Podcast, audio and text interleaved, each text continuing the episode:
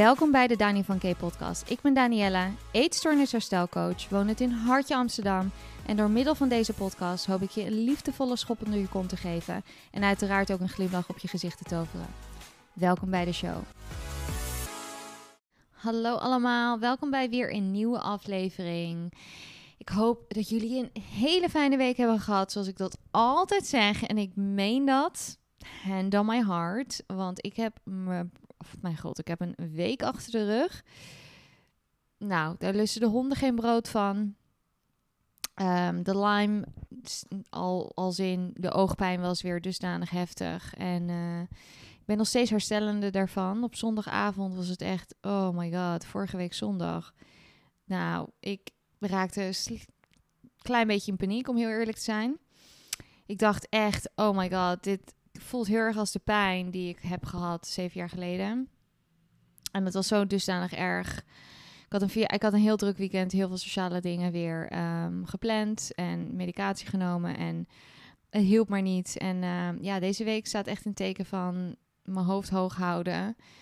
En a.k. keeping my head up high. Dat is, dus, ik vertaal letterlijk vanuit het Engels.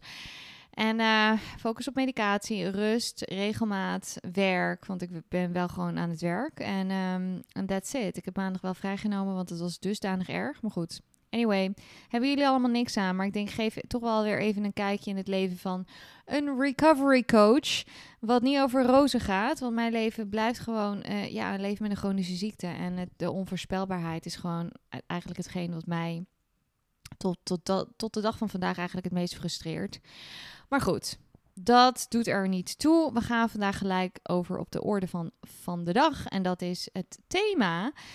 Of ofwel het onderwerp en dat gaat over onderliggende problematiek. Nou, als jij in een GGZ-instelling hebt gezeten of je hebt ooit een keer, um, je bent in therapie geweest, ik neem aan dat 90% van jullie al dan niet meer wel eens of in een GGZ-instelling hebben gezeten, ofwel een keer in therapie hebben gezeten, of een psychiater, psycholoog. Um, ja, wel iemand tegenover je hebt gehad die heeft gezegd: God, ja, weet je, het is toch wel belangrijk dat je uh, naar de oorzaak, naar de kern gaat van je eetstoornis. En als je dat dan eigenlijk uitpluist en oplost. Uh, zoals de Amerikanen altijd zo mooi zeggen: let's unpack this. En als je dat dan weet, uh, als je daar de vinger weet op te leggen en dat dan, nou ja, oplost. En daaraan werken dat die trauma een plekje gaat geven. Want over het algemeen, er wordt gegooid met trauma alsof het uh, een, een, brood is. Uh, links, rechts en van achter naar voren. Dan als je dat dan oplost, dan gaat jouw herstel echt, nou, als een soort van, of tenminste in ieder geval je eetstoornis, als sneeuw voor de zon weg dit verzin ik niet. Dit is mij letterlijk regelmatig verteld. Dit is ook waarom cliënten naar mij toe komen. Omdat ze dan zeggen: Dit heb ik zo vaak te horen gekregen. Danielle, ik heb al een jaar lang in therapie gezeten. Heel veel aan uh, traumaverwerking gedaan. Heel veel gepraat. En ik heb nog steeds een hele hardnekkige eetstoornis. Sterker nog, ik heb het idee dat mijn eetstoornis sterker is geworden. Omdat tijdens die traumaverwerking had ik niet echt gezonde copingmechanismes of skills om met mijn eetstoornis om te gaan. Dus ik weet nou eigenlijk niet of dat de juiste timing was om daaraan te werken. Nou, in ieder geval, zo starten we vaak. En het is vaak het stukje van, ja, ik heb, ik heb maar lopen graven en ik kom er maar niet achter wat het is ook. Uh, het is een beetje dat soort dingen uh, in het algemeen.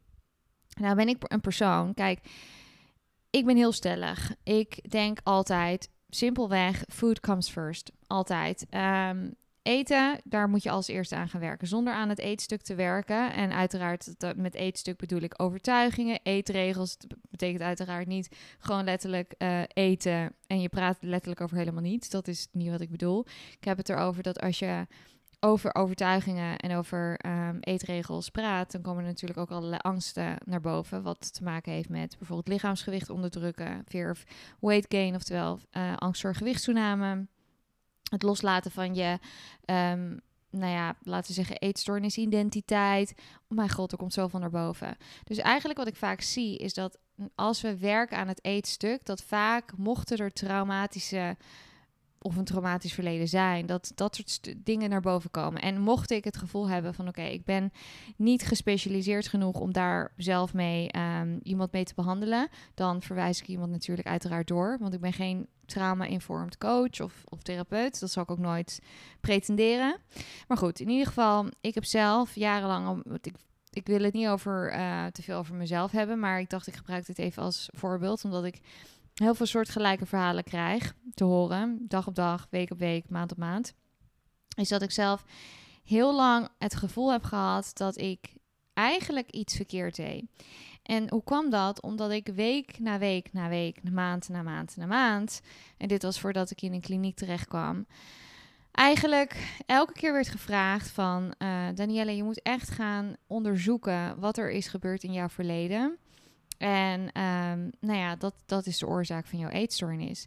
Het enige wat ik kon bedenken was dus afschuwelijke relatie tussen mijn ouders. Mijn ouders hebben een heel heftig, nou ja, een hele heel heftig huwelijk gehad. Ik heb daar als enig kind tussenin gezeten. Was dat traumatisch? Absoluut. Was best wel traumatisch. Ik heb het ook best wel als traumatisch ervaren. Ik heb ook een, uh, een, een, wat moeizamere band met mijn vader. Ik heb een hele goede band met mijn moeder, omdat wij samen eigenlijk door deze situatie met z'n tweetjes heen moesten. Ik heb mijn moeder op een gegeven moment gesmeekt op mijn zevende van mam, ga alsjeblieft van papa scheiden. Dus zo erg was het. En op mijn vijftiende gingen ze pas scheiden. Dus het was echt wel, het was best wel een heftige periode. Maar, hier komt hij heel veel mensen, sterker nog, ik denk dat ook weer, ik weet het exacte percentage niet, zullen we ook nooit weten, want dat soort dingen worden nooit berekend. Um, maar, en daar kan je ook eigenlijk geen onderzoek naar doen. Maar als we even een rondje doen bij iedereen en vragen van wat is jouw verleden? Wat is jouw geschiedenis? Wat heb je meegemaakt? De meeste mensen hebben een rugzakje. De meeste mensen hebben best wel iets traumatisch meegemaakt. Betekent dat dan ook dat die mensen een destructieve coping hebben ontwikkeld. Sommigen wel, sommigen worden misschien kettingrokers, anderen uh, ontwikkelen alcoholisme, omdat dat ook uh, in hun DNA zit. Hè? Dus ook een bepaalde predispositie. Maar ontwikkelt iedereen een eetstoornis? Nee. Dus om het altijd maar te gooien op, ja, maar een trauma of het onderliggende probleem is de oorzaak van jouw eetstoornis, vind ik echt klinkklare bullshit. En ik ben hier heel, heel direct in. Waarom zeg ik dat? Omdat ik ben nu al vijf en een half jaar werkzaam als eetstoornis herstelcoach. Al bijna zes jaar als ik erover nadenk. Uh, omdat ik het eerste jaar eigenlijk, eigenlijk voornamelijk meer vrijwillig heb gedaan. Dus ik heb heel veel verhalen mogen horen. Waar ik heel dankbaar voor ben. Ik heb ook heel veel geleerd van mijn cliënten. En ik heb ook soms af en toe mijn visie en mijn uh, werkwijze moeten aanpassen. Vandaar dat ik inmiddels, en daar komen jullie over een week achter, ik um, ga ook een nieuw aanbod weer lanceren. Het, uh, het is e zowel Engels als Nederlands, dus het is gewoon globally. En ik heb in, inmiddels ook een, um, een methode ontwikkeld, het heet de DVK Recovery Method. Komt eigenlijk omdat ik door jullie zoveel heb geleerd. En ook door mezelf. Omdat ik tijdens mijn eigen herstel tegen zoveel dingen aanliep. In ieder geval, ik heb dus een methode ontwikkeld die heel, heel goed werkt. En zo doe ik het eigenlijk met elke cliënt. Dus zo werk ik gewoon eigenlijk altijd. Uh, met uitzondering misschien van een enkeling hier of daar. Uh, omdat ieder... Sowieso is het customized, heel individualistisch, et cetera, et cetera. Uiteraard generaliseer ik mensen niet, maar er is heel veel overlap in eetstoornissen. Maar goed, dat terzijde. Terugkomend op het stukje onderliggende problematiek. Het is zo dat een traumatische factor... Oké, ik ga het even heel simpel uitleggen. Een traumatische gebeurtenis is een bijdragende factor aan een eetstoornis. Of van een eetstoornis, of hoe je het noemen wilt. Oké, heel simpel. Moet je je voorstellen. Ik um, heb een uh, vriendje. Ik ben stapel verliefd op deze jongen. We hebben al tien jaar relatie. En um, hij gaat vreemd bij het leven. En ik kom erachter en hij breekt mijn hart. En ik lig letterlijk een maand lang in bed te huilen. En ik krijg geen hap door mijn keel van verdriet. Hè? Want dat, dat, dat is echt, dat zeg ik altijd tegen mijn Engelse cliënten. We hebben in het Nederlands een gezegde van hè, we krijgen geen hap door ons keel. Dat zeg, dat zeg je natuurlijk niet echt in het Engels. Van I can't get a bite through my throat. Dat zeg je niet echt. Maar dat is, dat is eigenlijk een gezegde, toch? Van ik ben zo verdrietig, ik krijg geen hap door mijn keel. Nou goed, oké. Dus ik een maand lang in bed huilen, krijg een hap door mijn keel. En dit is voordat ik enige kennis heb, dit is allemaal trouwens letterlijk een hypothese. Hè? Dit is niet echt gebeurd. Dit is gewoon een, een verhaal wat ik nu even aan het verzinnen ben. Gewoon een voorbeeld. Ik hou heel erg van analogies, metaforen, voorbeelden, etc. Oké, dus ik lig een maand lang te huilen in mijn bed, krijg een hap door mijn keel. En ehm, na die maand begin ik in één keer te zien in de spiegel: hey, ik ben wat afgevallen. Ik voel me wat dunner. En dat voelt eigenlijk wel fijn. En het triggert iets in mij omdat niet eten of weinig eten, want helemaal niet eten. Nooit, nooit, mensen stoppen nooit helemaal met eten, uiteraard. Dan heb je de meest ernstige eetstoornis. Ik ken letterlijk geen persoon die niet eet, want dan ga je gewoon dood. Ehm, dat is ook weer zo'n overgeneraliserend idee dat mensen denken: oké, als je anorexia hebt, dan eet je gewoon niet. Wat nergens op slaat, natuurlijk eet je. Alleen gewoon veel te weinig voor wat je lichaam nodig heeft. En met heel veel eetregels. Maar goed, oké. Dus ik ehm, sta voor die spiegel. Ik denk, oké, nou, uh, ik ga me wegen. weet ik wat, wat, wat voor tafereel ik allemaal uithaal. En in mijn, er, er wordt iets aangewakkerd in mijn brein dat denkt, hmm, I like this. En ik begin dus dat ook vast te houden. Ik begin dus eigenlijk compulsief bijvoorbeeld calorieën te tellen. Ik begin nog minder te eten. En nog minder te eten. En voordat ik het weet, ben ik al helemaal niet meer met mijn ex bezig. Maar ben ik alleen maar bezig met letterlijk zorgen dat ik blijf afvallen. En voordat je het weet, is het helemaal is het hek van de dam. Of ik nou heel veel afval uiteindelijk, dat ligt ook een beetje aan mijn genen. Want sommige mensen hebben survival genes, waardoor ze nooit echt heel veel afvallen. Vandaar dat ook heel veel mensen in een groter lichaam. Um, daar zal ik ook nog eens een keer een podcast over maken. Recovery in the Larger Body. Daar heb ik ook wel eens een podcast. Nee, wacht, daar heb ik nog een podcast over opgenomen. Maar ga ik zeker doen. Um, maar dat is, dat sommige mensen vallen gewoon niet echt af. Maar laten we even voorstellen dat ik wel afval. En uh, het begint een soort echt een, echt een verslaving te worden. Dat is dus, dan zou je dus kunnen zeggen: oké, nou, die, die break-up met mijn ex of met mijn toenmalige vriendje, dat is dus het, een trauma wat mij heeft getriggerd in mijn eetstoornis. Nee. Wat er eigenlijk is gebeurd, dat die trauma, want het is eigenlijk traumatisch. Zo kan het, ik, weet je, trauma is uiteindelijk een uh, subjectief iets. Als jij als iets als traumatisch hebt ervaren, dan is het gewoon trauma, punt. Vroeger zei ze al little t's, big t's, dat doen ze niet echt meer, omdat trauma natuurlijk nogmaals, wie ben, wie ben ik, wie, wie is iemand om te zeggen, oké, dit is een, little t or small t en dit is een big t.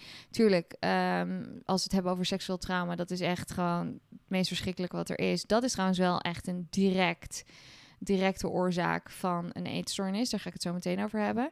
Maar ehm, dat die, die break-up met mijn ex, die dus nooit dat is nooit gebeurd, um, waar ik zo verdrietig van ben geweest voor een maand, heeft ervoor veroorzaakt dat ik in een energietekort terecht ben gekomen. Hou deze vast. Energietekort. Oftewel, ik heb veel te weinig gegeten voor een maand. Dus laten we even zeggen, zoals ik altijd al zeg, rekensommetje. Mijn lijf heeft in die maand, ondanks dat ik alleen maar lag, te huilen in bed. Had per dag 2500 calorieën nodig. Nou, keer 30, kan even niet hoofdrekenen. Maar, en ik eet elke dag, weet ik veel, 1000 calorieën. Dan kom ik behoorlijk wat tekort, toch? Nou. En vervolgens voor een andere persoon is dat prima. Weet je, die eet daarna gewoon weer normaal. Die pakt dat gewoon weer op. Er wordt niks getriggerd, er wordt niks aangewakkerd. Net zoals iemand, als je ooit, hè, als je 16, 18, 21 bent, depending on hè, where you live. Je begint ooit een keer te drinken. Of sommige mensen houden helemaal niet van alcohol. Maar laten we zeggen, toen ik ooit een keer voor de allereerste keer een drankje dronk, dacht ik: oké, nou ja, prima. Maar het deed niks met mij. En dat vond ik ook best wel bijzonder, omdat ik uit een familie kom waar alcoholisme heel erg ehm, een ding is. Mijn opa is zelfs overleden aan alcoholisme. Mijn vader drinkt ook helemaal niet. Maar mijn moeder en ik houden van af en toe een wijntje. Ik vind het heel gezellig om wijntjes te drinken of een cocktail. Maar ik ben absoluut niet verslaafd. Ik ehm, stop soms weken. Omdat ik, er, ik drink het eigenlijk als ik er zin in heb. Punt. Ehm, en ik zal ook nooit meer drinken dan waar mijn lijf behoefte aan heeft of wat het aan kan. Anyway, dus het is heel simpel. Trauma trauma, of tenminste traumatische um, situatie zoals die break-up, is een bijdragende factor aan een energietekort. En oftewel, dat energietekort triggert weer die genetische predispositie. Die genetische predispositie is eigenlijk een heel fancy word voor ja, een, ander, een andere aanleg in jouw DNA. Dus jouw DNA die ehm, is dus gevoelig voor het ontwikkelen van een eetstoornis. Dat weet je dus alleen maar doordat je dat energietekort hebt ontwikkeld. En het, e, het vreselijke eigenlijk, als je erover nadenkt, is, is dat dit op elke leeftijd kan ontstaan. Zo heb ik een keer een cliënt gehad um, die nou, al dik in de 40 was, of ruim in de 40. Ik vind dik in de 40 altijd zo negatief klinken. Niet vanwege het woord dik, maar dan, dan je ouder. Uh, laten we zeggen, zoals over de 40. Zij heeft een eetstoornis op latere leeftijd ontwikkeld, omdat zij uh, op, ook op latere leeftijd haar tweede kind heeft gehad. En op een gegeven moment. Um, kreeg zij uh, zwangerschapsvergiftiging. En dit grappige, nou, dus niks grappigs aan, maar vreemd genoeg heb ik dit verhaal al vaker gehoord. En nou moet ik heel eerlijk zeggen, dat ik niet precies weet wat de gevolgen zijn van zwangerschapsvergiftiging. Als er nou iemand weinig weet over zwangerschap, baby's, kinderen, dan ben ik het wel. Um, ik ben, word 33 dit jaar. Ik zou er wat meer over moeten inlezen, maar ik heb geen idee. Maar ik kan me zo voorstellen dat het heel naar is. En uh, deze persoon in kwestie, mijn cliënt, mijn oud-cliënt, zij uh, heeft een langere tijd heel weinig voeding binnengekregen. En op een gegeven moment heeft zij dus inderdaad haar genetische predispositie aangewakkerd door dat energietekort. En zij had zoiets van, hè? Ik ben ruim in de 40 en begin nu een eetstoornis te ontwikkelen. Hoe, ah, what the fuck? En nou ja, dus dat was dus ook weer de vraag van, oké, waar komt dit dus vandaan? Heb je een trauma? En zij heeft altijd een picture perfect leven gehad. Mooi gezin, fijne ouders, niets aan het handje. Ik zal nooit meer vergeten, echt mijn meest, nou, geweldige cliënt ooit. Uh, die zal dit nooit luisteren, want ze is Scandinavisch. Zij is mijn. Uh, ik heb het langst met haar ooit gewerkt. Zij was een van mijn allereerste cliënten. Ik denk mijn vierde cliënt ooit. Dus we spreken echt over jaren geleden. En om heel eerlijk te zijn, um, had ik bij haar echt het gevoel. Ik heb echt me uit de naad. Als ik, als ik eenmaal voor een cliënt ga, dan ga ik ook voor je. Uh, ik heb me uit de naad gewerkt. En met haar en haar moeder en haar ouders en haar gezin. En zij heeft een, had een hele hardnekkige eetstoornis. Echt heel hardnekkig. Het ding was dat zij dus ook al heel lang in therapie heeft gezeten. Maar zij, haar ouders waren nou, ik heb nog nooit zulke geweldige ouders meegemaakt. Haar moeder kon net, het was eigenlijk een coach, die was zo fantastisch. Ik zei ook altijd tegen haar van, je kan net zo goed mijn werk overnemen. Maar het zei ze nee, want ze neemt het niet van mij aan. Ze moet het van jou horen, dus fijn. Maar haar moeder was echt geweldig. Haar vader was geweldig. Haar broer was geweldig. Die heeft nooit wat meegemaakt in haar leven. En toch heeft ze een eetstoornis ontwikkeld. Hoe kwam dat? Omdat ze ziek is geworden een keer, heel groot energietekort heeft opgelopen. Bam, eetstoornis. Ik heb zoveel van dit soort verhalen, jongens. Ik kan wel echt eindeloos van dit soort verhalen vertellen. En ja, uiteraard, heel vaak is een vervelende situatie, oftewel een traumatische situatie, een bijdragende factor aan een energietekort. En dat energietekort triggert weer de genetische predispositie. Maar om nou te zeggen, mijn ouders, want dat was op een gegeven moment het verhaal.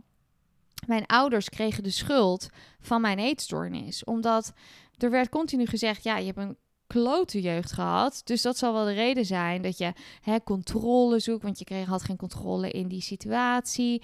En um, nou ja, er werd van allerlei dingen bijgehaald. Ik geloof heel erg dat, stel nou dat mijn ouders een heel fijn, fijn, uh, fijn nou ja, dat, een, heel fijn huwelijk hadden gehad. En ik had uiteindelijk dat verhaal wat ik net eigenlijk ophing met mijn supposedly ex-boyfriend. Als ik zoiets had meegemaakt, dat ik waarschijnlijk alsnog een eetstoornis had ontwikkeld. Want ik heb gewoon dat gen. Die genetische predispositie zit in mij. Dus ja, uh, wat ik al zei, ik ben ziek geworden met Lyme. Um, uh, en daardoor ben ik ook teruggevallen, want het ging op een gegeven moment heel goed bij mij. Maar ja, die Lyme, dit, nou ja, dat was ook weer heel bizar dat ik dat heb gekregen. Maar ik geloof echt dat als mijn ouders een heel goed huwelijk hadden gehad... en ik had alsnog, was zo ziek geworden met Lyme... en ik, ik en ik had heel weinig gegeten, wat ik dus ook deed, had ik waarschijnlijk alsnog een eetstoornis ontwikkeld. Dan kan je alles wel weer op de Lyme gooien. Van, oh ja, maar dat is de oorzaak, dat is een trauma. Ja, was inderdaad heel traumatisch. Is dat de oorzaak? Nee. Is dat een bijdragende factor? Ja. Dus dit betekent niet dat ik iemands trauma bagatelliseer. Hè? alsjeblieft, denk dat nu niet. Sterker nog, jouw trauma, trauma is zo valid, is zo belangrijk om daar aan te, aan te werken. Het betekent niet dat je daar niet aan moet werken. Het ding is alleen, ik werk volledig andersom. Want ik heb zelf zo in de frustratie gezeten tijdens therapie dat er continu tegen mij werd gezegd: Danielle, je doet niet goed je best. Je moet beter gaan zoeken en graven naar jouw oorzaak. Ik werd helemaal gek gemaakt. Ik dacht echt van: ik kan niks vinden. Dus ja, toen werd het maar gegooid op, mijn, op het huwelijk van mijn ouders. Maar deep down, net zoals mijn vaginisme verhaal, wat jullie misschien in mijn Engelse podcast ook hebben gehoord. Ehm, deep down in mijn onderbuikgevoel, en ik zeg altijd vrouwen hebben zo'n sterk onderbuikgevoel, wist ik gewoon, dit is het niet. Dit klopt niet. Er zijn zoveel mensen met, een, met, met gescheiden ouders, die komen uit een gebroken gezin. Sterker nog, ik heb het eigenlijk heel goed gehad. Mijn moeder was de meest, of is de meest geweldige moeder ever. Ja, oké, ik had een, een shitty dad, maar als ik kijk naar, er zijn zoveel mensen die helemaal geen ouders hebben of, of, of de meest verschrikkelijke dingen meemaken en alsnog geen verschrikkelijke dingen ontwikkelen, al zoals een eetstoornis. Bijvoorbeeld, een goed voorbeeld is mijn moeder. Mijn moeder heeft echt een heftig leven gehad. Mijn moeder heeft, nou ja, eigenlijk vanaf de, vanaf de zestiende is het huis uitgevlucht, is naar Engeland gegaan, is daar gaan wonen. Ze is mishandeld geweest. Ze heeft echt hele heftige dingen meegemaakt. Ook wel hele leuke dingen. Ze heeft echt wel een jetset leven gehad. Maar die heeft letterlijk ja, mijn moeder zegt altijd: het leven is een feestje, maar je moet zelf de slingers ophangen. En zo heeft zij haar leven eigenlijk geleid. En ik heb zoveel respect voor die vrouw, want ze heeft totaal geen destructieve gedragingen, wat echt wonderbaarlijk is. Geen alcoholisme, geen, ze heeft wel heel lang gerookt. Maar ehm, in the grand scheme of things is dat niet eens zo erg als ik erover nadenk. En ehm, ja, that's it. Weet je, tuurlijk heeft zij haar eigen shit en issues waar ze nog steeds doorheen moet werken. Maar die heeft geen eetstoornis ontwikkeld. Dus om maar continu te zeggen: oh ja, maar dit is de oorzaak van jouw eetstoornis, is zo kort door de bocht. En dat vind ik veel te makkelijk. En vind ik ook echt zonde dat dit continu in therapie voorkomt. En waar ik ook sterker nog echt een major um, nou ja, allergische reactie van krijg is wat ik zie. En gelukkig komen cliënten vaak op tijd naar mij toe. Maar dat cliënten in een hele precaire situatie, zowel fysiek als mentaal. En dat is bij mij dus ook misgegaan. Ik zal de instantie niet benoemen, maar ik heb hem al eerder benoemd. Daar is het helemaal misgegaan. Die zijn met mij aan de slag gegaan met dus Ehm, de symbiotische relatie met mij tussen mij en mijn moeder. En dat was veel te vroeg, veel te heftig. Ik kon daar op dat moment gewoon niet bij. Ik kon niet rationeel nadenken. Ik was veel te ondervoed. En daar werd toch aan gewerkt, er werd toch aan getrokken. En ik, ik raakte helemaal in paniek. En wat gebeurde er als reactie? Ik ging nog minder eten. En uh, tuurlijk, ik moet daar mijn eigen verantwoording voor nemen. Maar op dat moment, ik was te ziek. Ik was mentaal te ziek. Dus there's a time and place for everything. Dus daarom zeg ik altijd, ik ben niet helemaal anti... Ehm, of bepaalde zorginstellingen. Soms als je echt zo fysiek verzwakt bent, moet je gewoon eerst echt focussen op het eten en aankomen. Of in ieder geval jezelf echt refeeden. Dat is echt het allerbelangrijkste. En daarom ben ik echt van de food first um, aanpak. Want dat gaat, weet je, als ik nu ga werken aan een heel traumatisch iets wat er gebeurd is in het verleden van een cliënt, is er een grote kans dat iemand zich, zich terugpakt op, op het eten of het niet eten. Of, of over, overmatig bewegen of over zelfbeschadiging of verzinnen maar, omdat ze nog niet op het punt zijn om daarmee om te kunnen gaan. Ik werk liever eerst aan het eetstuk, zodat ze mentaal genoeg sterk zijn om aan het traumatische gedeelte te werken. En ook weer, wat ik al zei, als het mij um, um, ja, eigenlijk, uh, waar, als ik me niet gespecialiseerd daarin voel, dan verwijs ik iemand gewoon simpelweg door. Dus daar doen we ook niet moeilijk over. En ik hoor vaak van cliënten terug dat ze zeggen: Ik ben echt, ik ben je dankbaar dat we eerst deze aanpak hebben gevolgd. En daarna dat ik pas de dat ik ook echt de ruimte voelde om daaraan te werken. En dat ik me sterk genoeg voelde. En mentaal ook de toolkit had om niet meer te, te, te terug te pakken, eigenlijk op het restrictiegedeelte of op overmatig sport of bewegen, verzinnen maar. Of over braken zelfbeschadiging, wat ik al zei, alle eigenlijk destructieve gedragingen. Dus ja, is trauma, onderliggende problematiek de oorzaak van een eetstoornis? Mijn antwoord is nee. En ik weet dat heel veel uh, therapeuten en zorginstellingen nu misschien heel hard in, in hun hoofd schudden van... oh mijn god, wat zegt deze chick?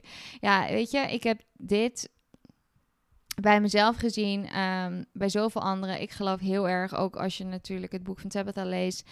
Ik geloof heel erg, ik, toen ik het las, dacht ik, ja, dit is echt letterlijk it. this is it. Het is echt gewoon, natuurlijk, trauma is een contributing factor, oftewel een bijdragende factor aan een energietekort. Maar het kan ook simpelweg letterlijk het starten van een dieet zijn, wat er uiteindelijk bij mij gebeurd is. Ik ben een dieet gaan starten, ik ben in een energietekort terechtgekomen, ik ben doorgeslagen, ik kon niet meer stoppen, bam, eetstoornis. Ja, dus heel simpel kan het soms echt beginnen met uh, een dieet of soms gewoon ziek zijn. Het hoeft niet altijd zo ingewikkeld te zijn. Um, ik zit te denken, ja, het laatste wat ik eigenlijk nog wilde zeggen, maar ik, ik voel me niet, eh, wat ik al zei, gespecialiseerd genoeg om over seksueel trauma te gaan praten. Dus ik ga het daar eigenlijk ook niet echt lang over hebben. Maar ik wilde alleen zeggen dat dat wel echt een direct, dat daar een direct verband ligt tussen seksueel trauma en um, of seksueel misbruik en uh, het ontwikkelen van een eetstoornis. Dat ik heb zelfs cliënten waarbij ik zeg, ik ben hier niet gespecialiseerd in, maar die toch met mij willen werken omdat ze weten, oké, we werken echt letterlijk eerst aan het, uh, ja, aan, aan food, aan het eetstuk. En, um, maar in ieder geval, daar zien we wel een direct verband. Omdat hè, daar kom, kom je eigenlijk in de ter territory van vrouwelijke vormen of gewoon vormen in het algemeen. Um, nou ja, meer aandacht, al dat soort dingen, dat triggert natuurlijk bepaalde responses in, in het brein. Dus in dat geval, that makes sense. Daar zien we wel echt een direct verband in, maar voor de rest echt, nou ja, ik heb, ik heb alles wel voorbij horen komen. Ik heb echt ook mensen met de meest verschrikkelijke verhalen gehoord. Die zeiden, luister, ik heb dit nu echt een plekje gegeven. Ik heb EMDR gedaan, dit, dat, zo, zo. Alles gedaan wat ik maar kon doen. En ik heb nog steeds een hele hardnekkige eetstoornis. Het is er echt niet in één keer beter van geworden. Of die eetstoornis is echt niet in één keer voorbij. Ik heb nog nooit aan het eetstuk gewerkt tijdens uh, die traumaverwerking. Omdat ik dat gewoon niet kon. En er werd ook eigenlijk helemaal niet aan gewerkt. Omdat vaak wordt dat gewoon apart behandeld. Dus ja, ik um, vond dit een hele belangrijke aflevering om op te nemen. En um, ik hoop dat je er wat aan hebt. If zo, laat het me weten. Vergeet niet een um, review achter te laten. Vind ik altijd leuk. Vraag het nog maar een keer. En uh, over een weekje komt er een nieuw aanbod. Wees bereid. Um, ik zal een kleine, klein tipje van de sluier geven. Ik uh, heb vorig jaar de Recovery Bootcamp, uh, ge, ik wilde zeggen gerund, gedaan voor zes maanden. Uh, waarbij ik elke maand twee à drie cliënten heb um, nou ja, geholpen, begeleid. En het is zo ontzettend succesvol geweest. Het is niet normaal. De verhalen, de reviews, de testimonials zijn echt ja, transformational ik, ik, gebruik deze aflevering wel echt heel veel Engelse woorden. Maar dat komt letterlijk omdat ik de hele dag in Engelse sessies heb gezeten. Maar in ieder geval, de uh, resultaten daarvan zijn zo dusdanig geweldig. Ik ben met sommige cliënten ook nog steeds um, aan de slag. Dus soms uh, hebben we single boost sessies. Sommigen zitten nog in een programma. Uh, maar echt binnen een maand hebben ze zo ontzettend veel bereikt door de intensiteit van het programma. Ja, het is een investering, eenmalig.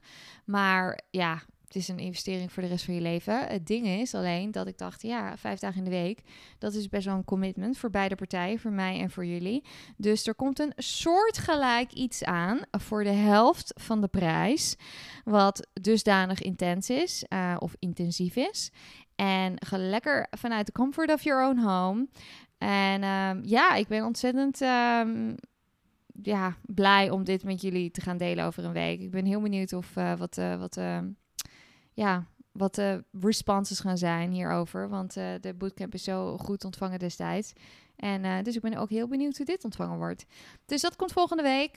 In ieder geval, ik uh, rond hem hierbij af, want we zijn al veel te lang bezig. Ik hoop dat jullie een hele fijne dag hebben. En ik zie je volgende week. Bye! Hey there my friend, dankjewel voor het luisteren. Mocht je dit een fijne, herkenbare of leerzame aflevering vinden, vergeet dit dan niet te delen met een vriend, een vriendin, je moeder, je vader, je opa, je oma, je hond, je glazenwasser, maakt niet uit, wie dan ook. En laat vooral een rating en een review achter. Tot de volgende!